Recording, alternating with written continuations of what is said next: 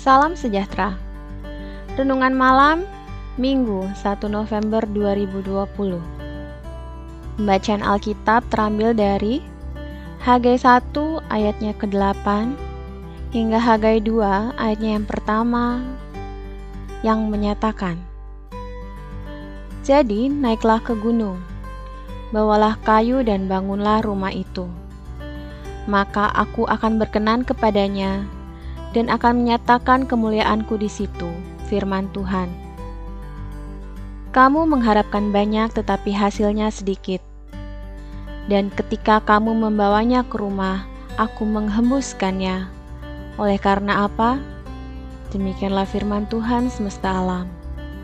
Oleh karena rumahku yang tetap menjadi reruntuhan, sedang kamu masing-masing sibuk dengan urusan rumahnya sendiri. Itulah sebabnya langit menahan embunnya dan bumi menahan hasilnya. Dan aku memanggil kekeringan datang ke atas negeri, ke atas gunung-gunung, ke atas gandum, ke atas anggur, ke atas minyak, ke atas segala yang dihasilkan tanah, ke atas manusia dan hewan, dan ke atas segala hasil usaha. Lalu Zerubabel bin Sealtiel dan Yosua bin Yosadak imam besar, dan selebihnya dari bangsa itu, mendengarkan suara Tuhan Allah mereka, dan juga perkataan Nabi Hagai, sesuai dengan apa yang disuruhkan kepadanya oleh Tuhan Allah mereka. Lalu takutlah bangsa itu kepada Tuhan. Maka berkatalah Hagai utusan Tuhan itu, Menurut pesan Tuhan kepada bangsa itu demikian. Aku ini menyertai kamu. Demikianlah firman Tuhan. Tuhan menggerakkan semangat Zerubabel bin Sealtiel, Bupati Yehuda, dan semangat Yosua bin Yozadak, imam besar, dan semangat selebihnya dari bangsa itu. Maka datanglah mereka lalu melakukan pekerjaan pembangunan rumah Tuhan semesta alam, Allah mereka. Pada hari yang ke-24 dalam bulan yang ke-6. Demikianlah firman Tuhan. Renungan malam hari ini diberi topik sadar setelah diingatkan. Aceh mempunyai ketegangan berkepanjangan dengan pemerintah pusat. Dasarnya adalah anggapan bahwa Aceh menginginkan kebebasan yang lebih luas.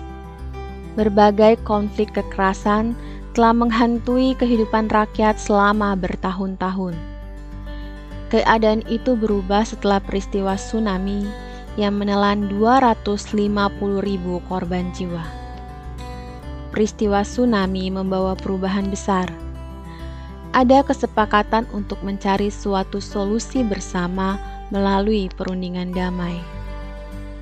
Kesepakatan ini merupakan suatu keterbukaan antara kedua pihak dan menjadi perundingan damai di Helsinki. Renungan pagi hari ini menceritakan Nabi Hagai yang memperingatkan Israel bahwa Tuhan adalah prioritas. Kegagalan dan hasil kerja yang mengecewakan adalah bukti bahwa Israel mengabaikan Tuhan. Meskipun pekerjaan mereka memberi hasil, tetapi hasil itu tidak memuaskan. Kehidupan mereka menjadi sia-sia. Nabi Hagai mengkritik gaya hidup Israel dengan tajam. Kritik dari Nabi Hagai membawa Israel kepada perubahan.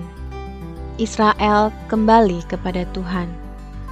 Manusia mempunyai kecenderungan untuk tidak mau percaya sebelum ada bukti. Pertanyaannya, mengapa harus menunggu bukti baru muncul rasa percaya? Mengapa harus menunggu ada masalah baru menyadari kesalahan? Mengapa manusia tidak bisa mengantisipasi hal buruk sebelum ia merasakan dampaknya. Hal ini merupakan sesuatu yang biasa terjadi. Meskipun titik awal dari kegiatan manusia itu tidak jelas, manusia mempunyai kecenderungan untuk mengikuti keinginan hatinya dan meninggalkan Tuhan. Padahal, keberadaan Tuhan saja seharusnya sudah cukup menjadi motivasi bagi manusia. Tuhan yang mengatur kehidupan manusia. Tuhan juga yang mampu menyelamatkan manusia. Tuhan juga yang dapat menjadi motivasi bagi manusia untuk melakukan tindakan-tindakan yang baik. Namun demikian, manusia sering kali bergantung pada motivasi yang tidak jelas. Pada akhirnya, motivasi yang tidak jelas mengakibatkan suatu tindakan yang tidak bermakna. Amin.